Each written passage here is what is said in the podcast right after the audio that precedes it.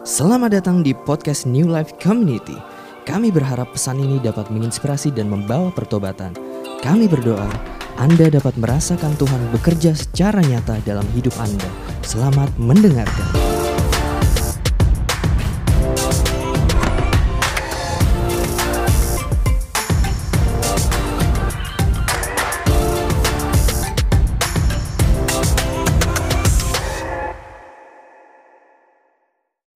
Oke, sekarang em, saya akan membawakan eh, salah satu topik. Saya akan melanjutkan dari tema bulanan kita, Anchored, dan saya akan membawakan topik dengan judul When You Don't Understand God.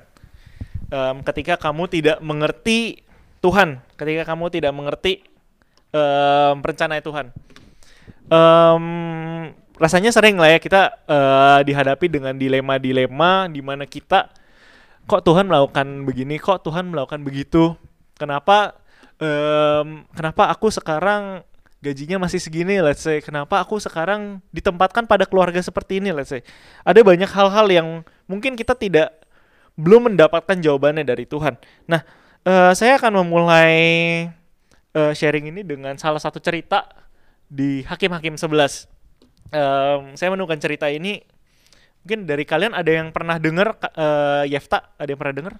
Angkat tangan.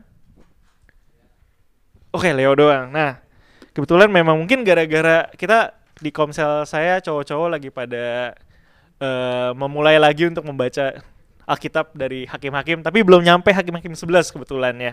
Berarti Leo udah research duluan. Bagus, Le. Oke. Em, nanti kita akan cowok-cowok kita akan membahas lebih dalam lagi hakim- hakim-hakim 11. Tapi di sini saya akan membacakan hakim-hakim 11. Ini adalah cerita seorang salah satu hakim yang bernama Yefta. Eh, saya akan bacakan untuk kalian. Lalu bernazarlah Yefta kepada Tuhan, katanya, "Jika engkau sungguh-sungguh menyerah- menyerahkan Bani Amon itu di, ke dalam tanganku, maka apa yang keluar dari pintu rumahku untuk menemui aku pada waktu aku kembali dengan selamat dari Bani Amon, itu akan menjadi kepunyaan Tuhan. Dan aku akan mempersembahkannya sebagai korban bakaran. Kemudian Yefta berjalan terus untuk berperang melawan Bani Amon dan Tuhan menyerahkan mereka ke dalam tangannya. Eh, so, background story sebelum eh, sebelum cerita ini adalah Israel seperti biasa di kitab Hakim-Hakim di mana ada satu hak eh, pertamanya Israel berdosa dulu, melupakan Allah, terus dia dijajah, terus Allah mengirimkan seorang hakim untuk membantu mereka. Hakim itu seperti kayak apa ya? military general, general gitu kayak orang yang jago perang dan Yefta ini adalah salah satu hakim yang ditugaskan oleh Tuhan untuk melawan si Bani Amon yang udah lama menjajah bangsa Israel. Dan di ayat selanjutnya kita bisa lihat bahwa dia bilang ia menimbulkan kekalahan yang amat besar di antara mereka, di antara si Bani Amon, mulai dari Aroer sampai dekat Min Minit, 20 kota banyaknya dan sampai ke Abel Keranim sehingga Bani Amon itu ditundukkan di depan orang Israel. Di ayat 34 ini yang menarik. Ketika Yefta pulang ke Mizpah, itu rumahnya, tampaklah anaknya perempuan keluar menyongsong dia dengan memukul rebana serta menari-nari. Dialah anaknya yang tunggal, selain dari dia tidak ada anaknya laki-laki atau perempuan. Demi dilihatnya dikoyakanlah bajunya sambil berkata, "Ah, anakku, engkau membuat hatiku hancur luluh." Sorry. Demi dilihatnya dikoyakan bajunya sambil berkata, "Ah, anakku, engkau membuat hatiku hancur luluh dan engkaulah yang mencelakakan aku. Aku telah membuka mulutku bernazar kepada Tuhan dan tidak dapat aku mundur." Em, da- kalau kita sekilas melihat cerita ini, sepertinya ini adalah cerita yang cukup tragis lah ya. Si Yefta coba-coba bernasar kepada Tuhan, dia make a vow kepada Tuhan kalau misalnya dia bakal menang melawan musuh-musuhnya, apa pun yang keluar dari pintu rumahku pertama kali bakalan aku persembahkan buat korban bakaran. Dan eh, setelah saya baca-baca sebenarnya kayak komentaris Bible gitu-gitu. Dan mereka memperdebatkan sebenarnya si Yefta ini menginginkan apa yang keluar dari rumahnya? Kambing domba gitu kan atau emang anaknya gitu kan? Kan aneh kalau misalnya kambing domba keluar dari rumahnya gitu kan. Tapi ya itu masih menjadi perdebatan sebetulnya. Dan tapi yang menarik adalah em, akhirnya kan Yefta terus persit dengan em, nazarnya. Dia akhirnya mengorbankan anaknya perempuan satu-satunya anaknya untuk dikorbankan kepada Tuhan. Dan kalau kalian juga melihat di sini sekilas sepertinya Tuhan adalah Allah yang kejam bukan? Dia minta Yefta uh, meski well meskipun Yefta yang awalnya bilang uh, dia bernazar tapi Tuhan kok maksudnya tetap diprosit gitu.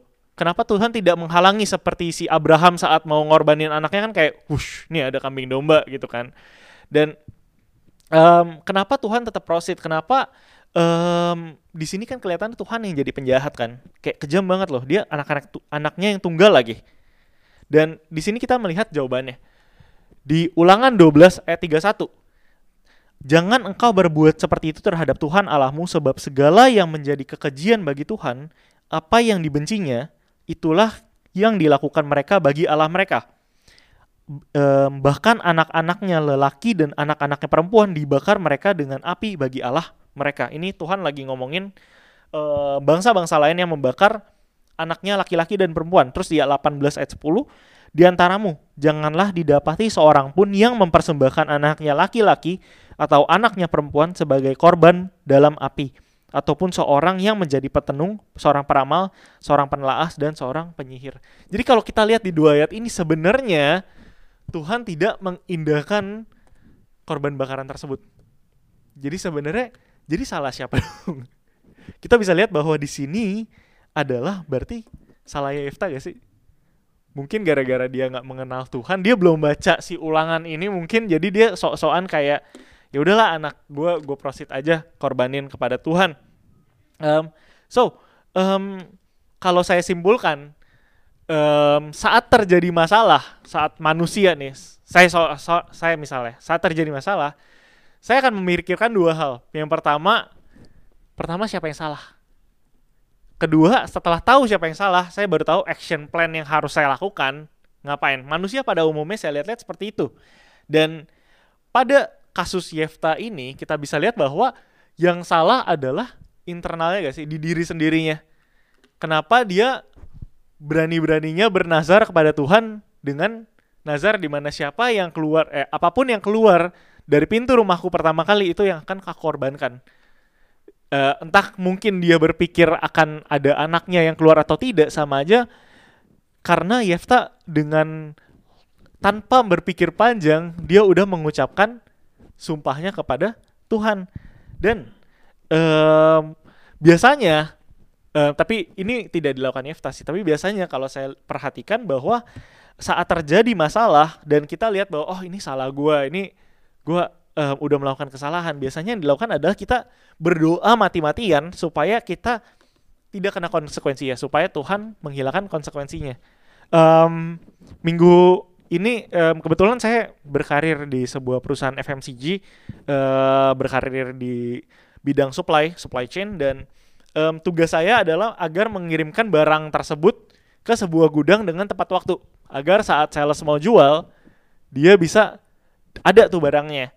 Dan hal yang menarik adalah kemarin saat saya ada permintaan di sebuah daerah, saya kiri, saya baru di awal minggu saya baru nyadar bahwa permintaannya ada yang kurang saya kirimin nih. Dan saya harus ngirimin barang ini dari Surabaya. Yang notabene itu biasanya memakan waktu lima hari. Dan itu barang itu padahal akan diambil di hari Rabu kan. Terus saya mulai panik kan, ah oh, gawat, gawat, gawat gitu kan mulailah saya coba ya udah saya lakuin apa yang saya bisa saya kan udah tahu oh ini yang salah diri sendiri nih. Maka action plan yang saya lakukan ya udah saya ngaku ke head saya terus saya bilang ya udah saya kirimin barangnya. Um, Senin dikirimkan barangnya dan um, hal yang men, um, di Senin malam saya coba berdoa kepada Tuhan tapi ya well terserah Tuhan mau ngabulin apa enggak. Tapi yang lucunya adalah di hari Selasa tiba-tiba barang itu udah nyampe di gudangnya tersebut sampai uh, head saya tuh kayak kaget gitu. Hah yang bener nih Van. Nih nggak bohong kan nggak bohong kan? Beneran beneran sih saya udah lihat gini gini gini. Dan interesting bahwa um, saat kita um, merasa diri sendiri yang bersalah kita juga memohon kepada Tuhan agar kita terhindar dari konsekuensinya. Agar supaya kesalahan itu bisa ditutupin jadi nggak ada kesalahan udah semuanya kembali seperti normal. Um, seperti yang saya lakukan kemarin, saya memohon-mohon kepada Tuhan agar saya dijauhkan dari masalah tersebut. Nah, kalau gimana kalau misalnya yang terjadi adalah yang salah adalah eksternal, yakni random things. Let's say misalnya yang salah adalah um, teman saya waktu itu yang salah ngirimin. Atau mungkin misalnya kalau dari case saya tadi, saya adalah di posisi head saya.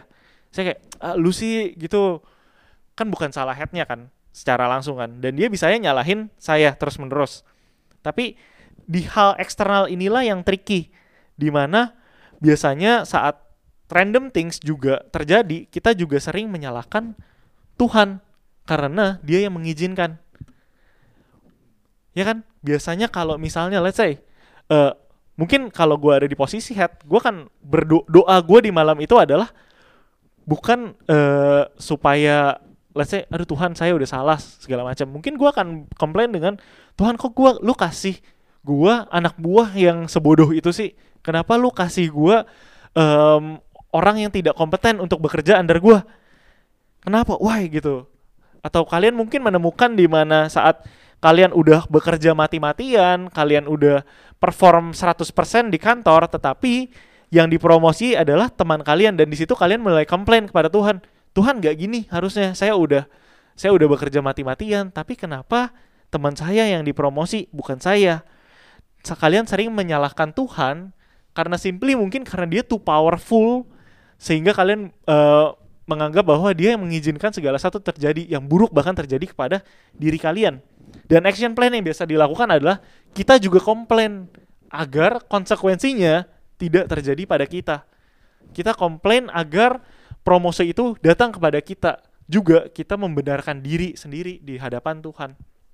So, um, rasanya um, skema ini setelah saya lihat-lihat cocok kepada salah satu cerita yang ada di kitab Ayub. Cerita Ayub ini saya akan bawakan untuk menggambarkan um, faktor yang kedua. Uh, ini akan saya bacakan dari Ayub 1. Maka bertanyalah Tuhan kepada iblis, dari manakah engkau? Lalu jawab iblis kepada Tuhan, dari perjalanan mengelilingi dan menjelajah bumi. Lalu bertanyalah Tuhan kepada iblis, apakah engkau memperhatikan hambaku Ayub? Sebab tiada seorang pun di bumi yang seperti dia, yang demikian saleh dan jujur, yang takut akan Tuhan dan menjauhi kejahatan. Lalu jawab iblis kepada Tuhan, apakah dengan tidak mendapat apa-apa, Ayub akan takut akan Allah? Di ayat 10, Bukankah engkau yang membuat pagar sekeliling dia dan rumahnya serta segala yang dimilikinya? Apa yang dikerjakannya telah kau berkati, dan apa yang dimiliki yang makin bertambah di negeri itu. Tetapi ulurkanlah tanganmu dan jamahlah segala yang dipunyainya, ia pasti mengutuki engkau di hadapanmu maka firman Tuhan kepada iblis, "Nah, segala yang dipunyainya ada dalam kuasamu. Hanya janganlah engkau mengulurkan tanganmu terhadap dirinya." Kemudian pergilah iblis dari hadapan Tuhan. Dan um, kalau posisinya kita lihat di sini kalau kita bandingkan dengan skema yang tadi, sepertinya benar Tuhan yang mengizinkan si iblis untuk mengerjakan segala malapetaka kepada Ayub benar itu benar dan Um, maka kita lihat di sini action plan uh, si Ayub yang selanjutnya selanjutnya bahwa Ayub pun komplain juga ke Tuhan. Dia komplain juga Tuhan, Tuhan, gue udah berbuat baik. Kenapa Tuhan tetap menghukum saya? Dia meng, uh, di dalam kitab tersebut Ayub menganggap dirinya adalah benar. Saya udah saleh, saya udah melakukan segala sesuatunya dengan baik. Dia udah melakukan integritasnya dengan baik di hadapan Tuhan, tapi kenapa Tuhan tetap menghukum saya? uh, up, dia kayak mem, me, mem, membuat tuduhan seolah-olah Tuhan itu tidak adil. Dan di ayat 2-nya bahkan ketika ketiga sahabat Ayub mendengar kabar tentang segala malapetaka yang menimpa dia, maka datanglah mereka dari tempatnya masing-masing, yakni Elifas, orang teman, dan Bildad, orang surah, suah, serta Zovar, orang Naama. Mereka bersepakat untuk mengucapkan bela sungkawa kepadanya dan menghibur dia. Jadi sebegitu buruknya um, kondisi Ayub saat itu sampai teman-temannya yang dari jauh dia pun datang kepada Ayub dan di sini leads to apa yang Ayub tanyakan kepada Tuhan apakah Tuhan adil di Amsal 11 ayat 8 dia bilang orang-orang benar diselamatkan dari kesukaran lalu orang fasik menggantikannya Amsal bi bicara dengan jelas bahwa orang benar akan eh, diselamatkan dari kesukarannya, lalu orang fasik menggantikannya. Tapi pertanyaannya kenapa Ayub tetap mengalami kesukaran? Kenapa saat gue gue cukup saat gue cukup yakin Ayub waktu itu merasa kayak kok Tuhan nggak selamatin gue dari segala malapetaka ini? Kenapa Tuhan mendiamkan gue dari segala malapetaka ini? Dan Ayub pun eh, mempertanyakan Tuhan di di satu kitab itu, apakah Tuhan adil? Apakah Tuhan adil dengan saya?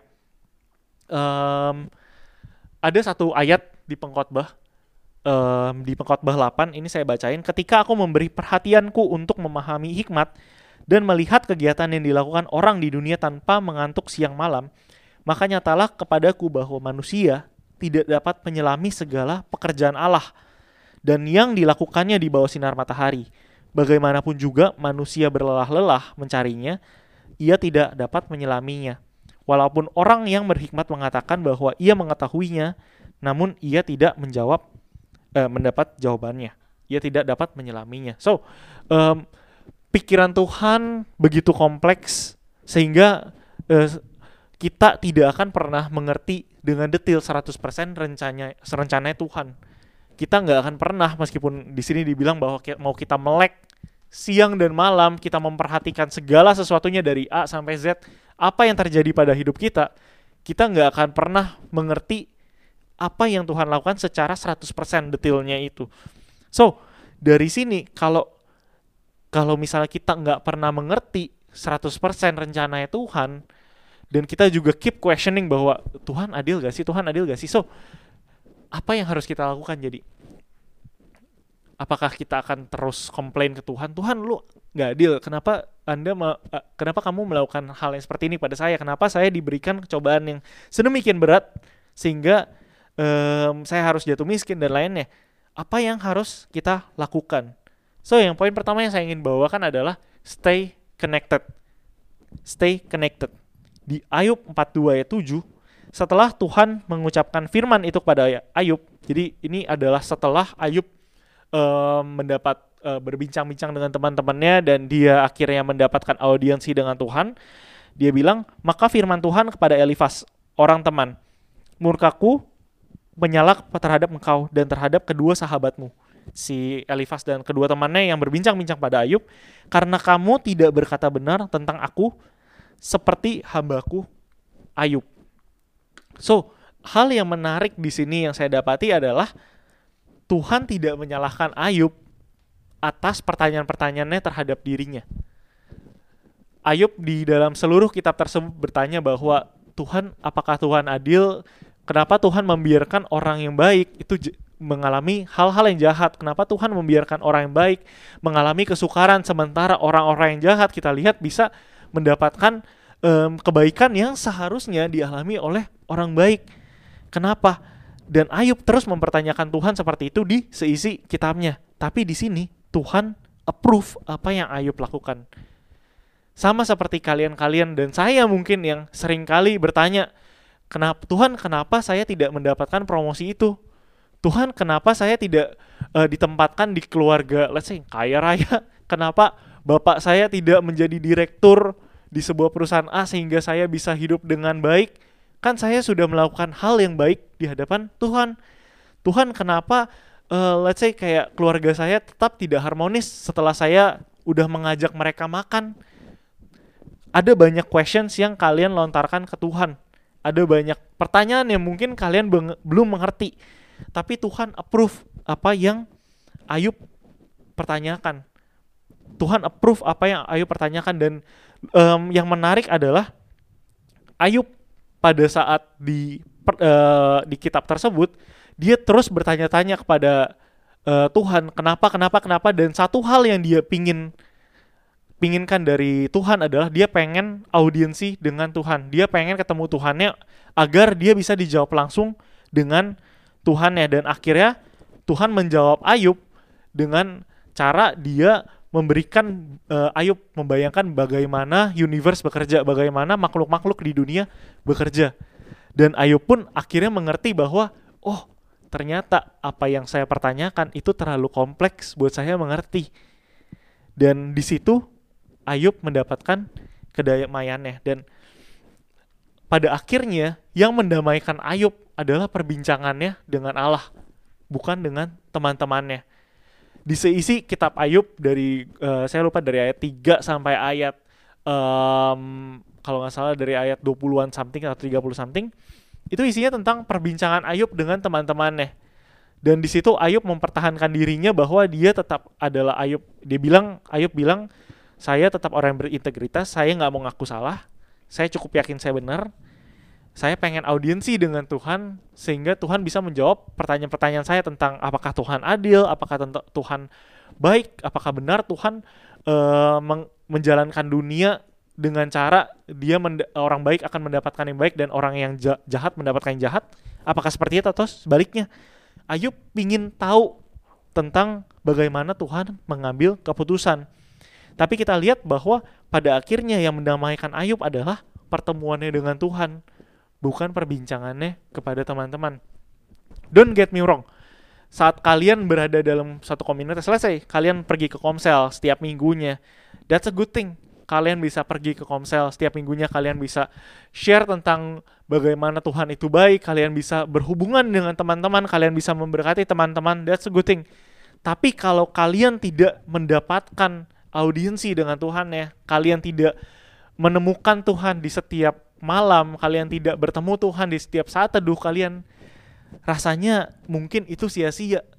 Rasanya mungkin itu sia-sia karena poinnya adalah yang mendamaikan Ayub, yang mendamaikan kalian saat dalam kalian dalam masalah adalah pertemuan kalian dengan Tuhan, bukan pertemuan kalian dengan teman-teman. So, uh, make sure saat ini meskipun kalian saat ada dalam masalah, saat kalian mungkin sekarang masih ada di tahap kalian bertanya-tanya apakah Tuhan adil?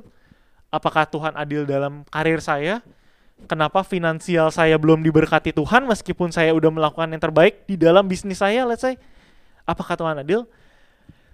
Temui Tuhan di setiap saat teduh kalian karena pada akhirnya pertemuan Tuhan itulah yang mendamaikan hatinya Ayub pertemuan dengan Tuhan itulah yang akan mendamaikan hatinya kalian.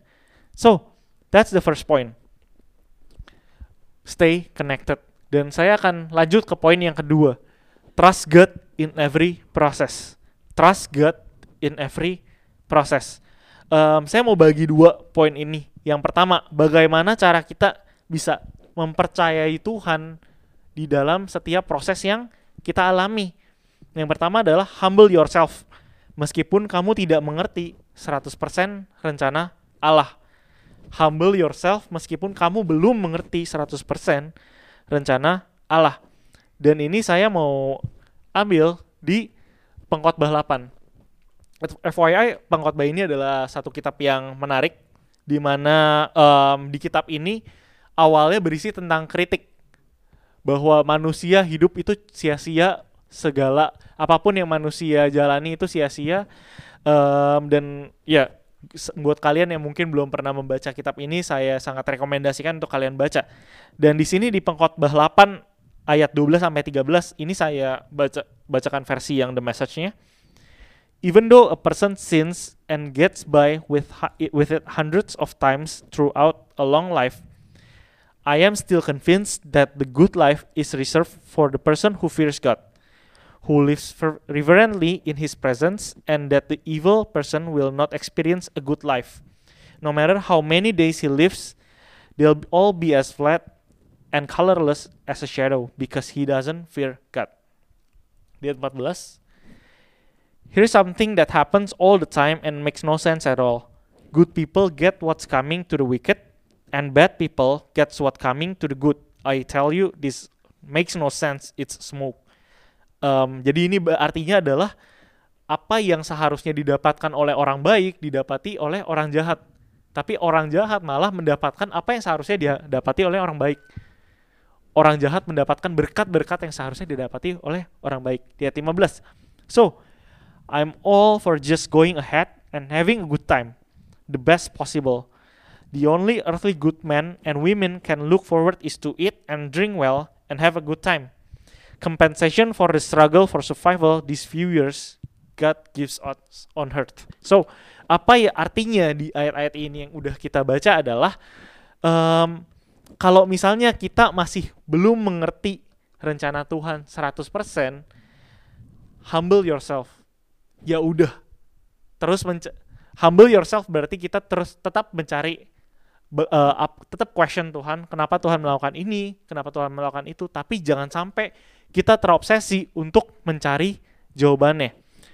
Jangan sampai obsesimu untuk mengetahui 100% rencana Allah dengan detil-detilnya menutupi matamu dari kebaikan-kebaikan yang udah disediakannya. Jangan sampai kamu terobsesi, oh Tuhan kenapa kenapa saya belum dapat belum mendapatkan promosi? Kenapa bisnis saya lebih keuntungannya lebih kecil dari kompetitor saya?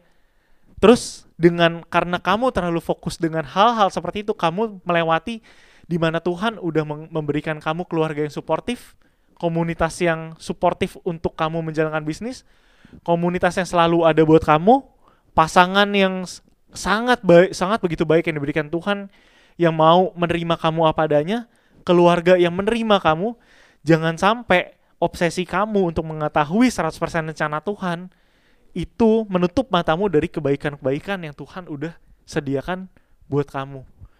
So, um, itu poin pertama, humble yourself meskipun kamu tidak mengerti 100% rencana Allah.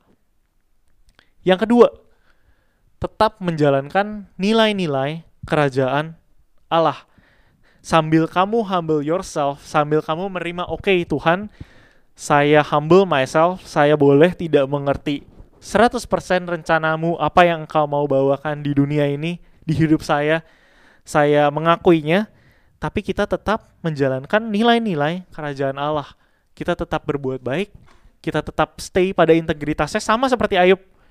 Uh, yang Ayub lakukan di Ayub 2, dia menyatakan bahwa dalam complaints-complaintsnya itu pada tuh um, dalam kesukaran yang terjadi dan dalam komplain-komplainnya kepada Tuhan, Ayub tidak pernah mengutuk Tuhan dan Ayub selalu um, dia tidak pernah men mendinai bahwa dia pernah mendapatkan berkat dan rahmat Tuhan dalam hidupnya. So jangan sampai um, obsesi kita juga membutakan kita dari kita untuk menjalankan rencana-rencana dan nilai-nilai kerajaan Allah. You know tadi kalau saat saya bilang pengkhotbah adalah kitab yang menarik karena berisi tentang kritik di mana dia berisi soal kenapa sih Tuhan harus menciptakan manusia kenapa padahal kan semuanya sia-sia gitu. Isi pengkhotbah sih isinya kira-kira seperti itu tapi di final words ya dalam kitab pengkhotbah di final words ya meskipun kamu tidak belum 100% mengerti rencana Tuhan tapi dia bilang the last and final word is this fear God do what he tells you fear God do what he tells you. Boleh kamu belum mengerti rencana Tuhan, boleh kamu belum dipulihkan, tapi itu tidak boleh jadi excuse untuk kamu stop untuk menjalankan rencana Tuhan di dalam hidupmu. Fear God, do what he tells you. Fear God, do what he tells you. Jangan sampai kamu dibutakan oleh obsesimu. So, um, dalam kita trust God, terhadap dapat tuh poin humble yourself meskipun kamu tidak mengerti 100% rencana Allah dan tetap kamu menjalankan nilai-nilai kerajaan Allah. Saya punya um, sebuah kesaksian yang uh, unik menurut saya dan sama seperti Ayub sa sampai sekarang pun saya belum mengerti um, apa yang Tuhan mau dalam hidup saya.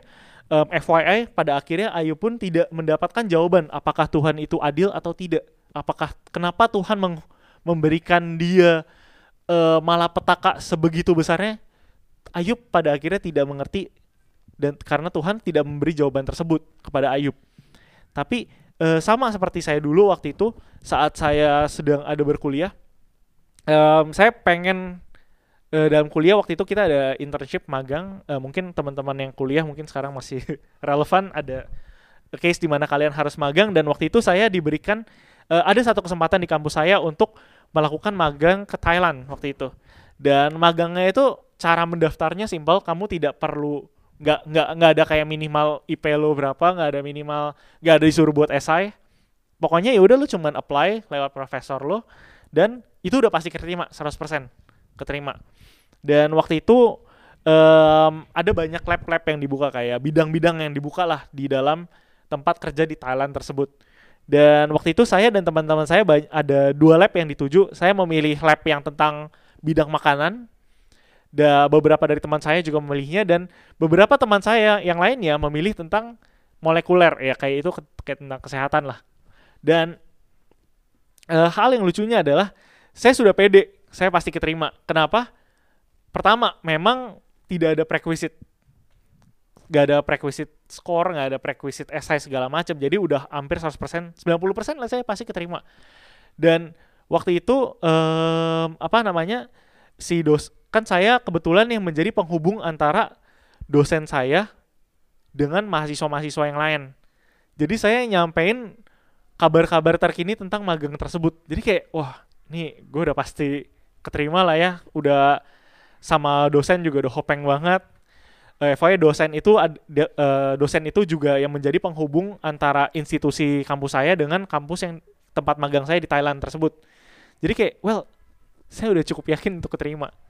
Tapi em, yang resenya adalah em, kan ad- eh, dalam sebelum penerima kabar itu ada gap waktu dan di mana saya selalu ditanyakan oleh teman-teman saya, Van ini udah dapat belum, Van ini udah dapat belum? Kayak capek gitu tiap hari ditanyain kayak belum belum belum belum dapat. Terus saya yang disuruh kejar-kejar segala macam ke dosen pembimbingnya. Saya disuruh tanya setiap hari disuruhin tanya apakah sudah ada kabar atau belum. Dan well saya melakukan hal tersebut meskipun dengan bersungut-sungut tapi saya melakukan hal tersebut dengan baik. Saya memberikan update yang lengkap kepada teman-teman saya mengenai A B C. Saya memberikan persyaratan pada mereka eh, tentang cara mendaftarnya. Dan lucunya adalah em, saat tiba di hari pengumumannya saya nggak keterima. Dan itu karena bukan karena prestasi saya bukan karena saya ada dokumen yang kurang atau segala macam tapi simply karena tiba-tiba le- bidang yang saya mau masukin yaitu tentang makanan itu tutup. Jadi dan itu waktu itu saya nggak bisa memilih bidang yang lain. Nggak bisa kayak oh karena ini tutup saya pilih bidang lain. Nggak bisa. Jadi ya udah saya nggak jadi magang di Thailand. Saya nggak jadi pergi ke luar negeri untuk well rencana saya adalah bisa magang sambil liburan di Thailand. Kan katanya makanannya murah-murah segala macam saya nggak bisa melakukan itu semua. Dan saat saya mendengar kabar itu pun saya sama seperti Ayub mempertanyakan kayak why? Why? gitu. Dari segi spiritual saya melayani Tuhan dengan baik. Saya waktu itu menjadi ketua komsel di Bandung. Well saya melayani Tuhan dengan baik loh saya melayani orang-orang orang-orang ada mau curcol saya ladenin. Dari segi prestasi saya nggak jelek-jelek amat lah. Maksudnya kayak ya dia toh dia juga nggak ada prerequisite-nya kan. Tapi kenapa Tuhan mengizinkan hal tersebut terjadi? Kenapa tiba kenapa Tuhan nggak kasih tahu dari sebelumnya? Kenapa Tuhan nggak kasih saya tanda sebelum saya mendaftar ke makanan? Oh ini bakal tutupan gitu. Kenapa? Why? Why saya yang belum mendapatkan jawabannya sampai sekarang. Dan honestly saya mencoba menghubungkan kejadian tersebut dengan oh Tuhan mungkin di, di lain eh, mungkin Tuhan punya rencana yang baik. Mungkin saya eh, mungkin karena saya tidak magang di Thailand waktu itu saya jadinya magang di tempat lab polio. Dan hal yang baik yang saya ketemui adalah eh, di magang polio itu adalah saya tidak cocok kerja di lab. Udah cuma itu doang. Tapi maksudnya kayak ya itu mah saya di Thailand juga bisa ketemu kalau misalnya saya magang sana kayak saya tidak mendapatkan jawaban yang baik sampai sekarang dari Tuhan tentang mengapa waktu itu Tuhan mendinai saya untuk kesempatan saya pergi ke Thailand. Kalau ditanya sampai sekarang, kalau misalnya lu diputar balikkan lagi di saat itu, lu bisa mem- memilih bidang yang tentang kesehatan tersebut, lu mau gak? Sehingga lu bisa ke Thailand? Mau. saya mau gitu. Dan tapi ya ya kita tidak bisa mutar waktu dan sampai sekarang Tuhan belum memberikan jawaban yang menurut saya saya senangi. Tapi yang saya belajar adalah seperti yang Ayub eh, melakukan di pada akhirnya. Mungkin eh, saya boleh undang tim PW maju lagi. Eh, saya bakal tutup dengan eh, di akhir kitab Yakub. Kita bisa baca bahwa di 42 ayat 1. Maka Ayub ini setelah Tuhan memberikan Ayub gambaran tentang bagaimana universe bekerja, bagaimana tentang makhluk-makhluk yang Tuhan sayangi. Dia bilang ada binatang buas yang meskipun dia memiliki kekuatan destruktif yang cukup hebat, tapi Tuhan tetap sayangi. Dan di sini jawab adalah jawabannya Ayub kepada Tuhan. Aku tahu bahwa engkau sanggup melakukan segala sesuatu dan tidak ada rencanamu yang gagal. Firmanmu, siapakah dia yang menyelubungi keputusan tanpa pengetahuan? Itulah sebabnya tanpa pengertian aku telah bercerita tentang hal-hal yang sangat ajaib bagiku dan yang tidak ku ketahui. Nextnya, firmanmu, dengarlah maka akulah yang akan berfirman. Aku akan menanyai engkau supaya engkau memberitahu aku. Hanya dari kata orang saja aku mendengar tentang engkau, tetapi sekarang mataku sendiri memandang engkau. Oleh sebab itu, aku mencabut perkataanku dan dengan menyesal aku duduk dalam debu dan abu.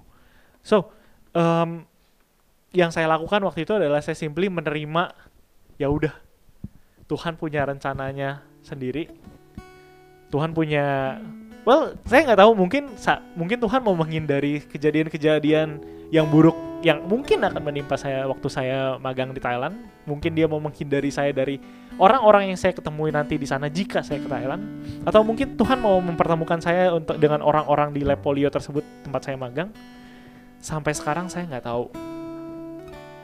If you ask me honestly saya nggak tahu. Saya nggak saya nggak tahu kenapa Tuhan melakukan demikian rupa. Tapi yang saya tahu adalah Tuhan bisa melakukan hal sedemikian rupa. Tuhan punya rancangannya yang baik. Rancangan Tuhan tetap baik buat kita rancangan Tuhan tetap indah pada waktunya buat kita. Dan saya saya pengen mengingatkan kalian even even bahkan saat kalian udah lanjut umurnya kalian saat kalian udah mungkin udah umur 70 tahun dan kalian masih meng belum mengerti kenapa Tuhan waktu itu menolak saya let's say keterima di pekerjaan yang saya impi-impikan. Kenapa Tuhan waktu itu meng meng meng menolak uh, membiarkan saya untuk ditolak oleh orang-orang tertentu kenapa why mungkin disampai nanti kalian umur 70 tahun kalian masih mendapati pertanyaan-pertanyaan seperti itu so basically apa yang mau Tuhan katakan di sini adalah to trust Him. Trust dengan rencananya meskipun kamu nggak tahu 100% detailnya seperti apa. I can guarantee you pada akhirnya itu akan menjadi suatu hal yang indah. Meskipun sekarang kalian belum tahu. I can guarantee you Tuhan bakalan me, dia kayak bakal Indian kayak saat kalian ke surga. Tuhan tuh gua gua ngebayangin mungkin Tuhan akan kasih kayak kita kayak roadmap ini loh kalau kalian melakukan ini, ini loh kalau kalian melakukan ini dan I can guarantee itu pasti indah. Dan kalian pasti bersyukur punya Tuhan yang begitu baik dengan kalian. Kalian bakal bersyukur kalian punya Tuhan yang begitu peduli dengan hal-hal detail yang meski yang mungkin kalian lewatkan. Hal-hal detail yang mungkin kalian merasa itu nggak penting. Tapi Tuhan God care so much about you. Dan sampai hal-hal detail pun dia urusin So, buat menutup um, job verdict ini juga uh, akhir kata yang Ayub lakukan ini bukan sekadar to trust God. Tapi saya mau mention di ayat uh, 42 ayat 5. Dibilang hanya dari kata orang saja aku mendengar tentang kau, tetapi sekarang mataku sendiri memandang kau. Um, so, poin saya dari yang tabel tadi saat terjadi masalah apa action plan kalian segala macam dan poin saya dari tabel-tabel ini adalah apa pun yang terjadi either yang salah adalah internal diri sendiri sehingga lo berdoa atau yang terjadi adalah karena let's say random things di sekitar kalian yang terjadi adalah mungkin kalian menyalahkan Tuhan kenapa hal tersebut terjadi pada kalian make sure pada akhirnya adalah itu membuat kalian lebih mengerti tentang Tuhan. Seperti apa yang Ayub bilang di sini hanya dari kata orang saja aku mendengar tentang Engkau, tetapi sekarang mataku sendiri memandang Engkau. Tetapi sekarang saya sendiri memandang kebaikannya Engkau. Saya sendiri melihat bagaimana Engkau begitu baik terhadap saya. Saya sendiri melihat bagaimana Engkau memelihara karir saya keluarga saya, hubungan saya, Indian saya yakin make sure kalian trust God dan terus berpegang pada nilai-nilainya dan terus mengejar Tuhannya. Saya rasa ini adalah anchor. This is this is why kita bulan ini membahas anchor. Sehingga kalian saat kalian um, mungkin kalian selama ini belum pernah melihat jangkar secara langsung. Sama seperti mungkin selama ini kalian belum melihat kebaikannya Tuhan secara langsung. Buat kalian yang mungkin belum merasakan kebaikan secara langsung, saya mau katakan pada kalian, please, please, please kejar Tuhannya. Kejar Tuhannya sampai kalian mengerti, oh ternyata ini loh kebaikan Tuhan. Ternyata ini loh, ternyata, let's say kalian adalah seorang pelaut, make sure kalian lihat jangkar seperti apa. Sebegitu kuat jangkarnya sehingga bisa menopang satu kapal tersebut. So, sebagai seorang Kristen atau sebagai let's say kalian belum menemukan kasih Kristus dalam hidup kalian, cari Tuhan yang benar-benar lebih lagi. Find a community that will help you untuk mencari Tuhan. Sehingga kalian bisa memandang sendiri bagaimana Tuhan begitu baik kepada diri kalian. Tuhan begitu care kepada hidup kalian. So, ayo NLC kita uh, mari bangkit berdiri lagi. Um, yuk kita uh, mau memuji dan menyembah Tuhan lebih lagi. Hey, kalian seperti yang tadi poin saya, kalian mungkin boleh belum mengerti 100% tentang rencana Tuhan. Detil-detilnya sama seperti saya belum mengerti kenapa saya ditolak untuk pergi ke Thailand waktu itu.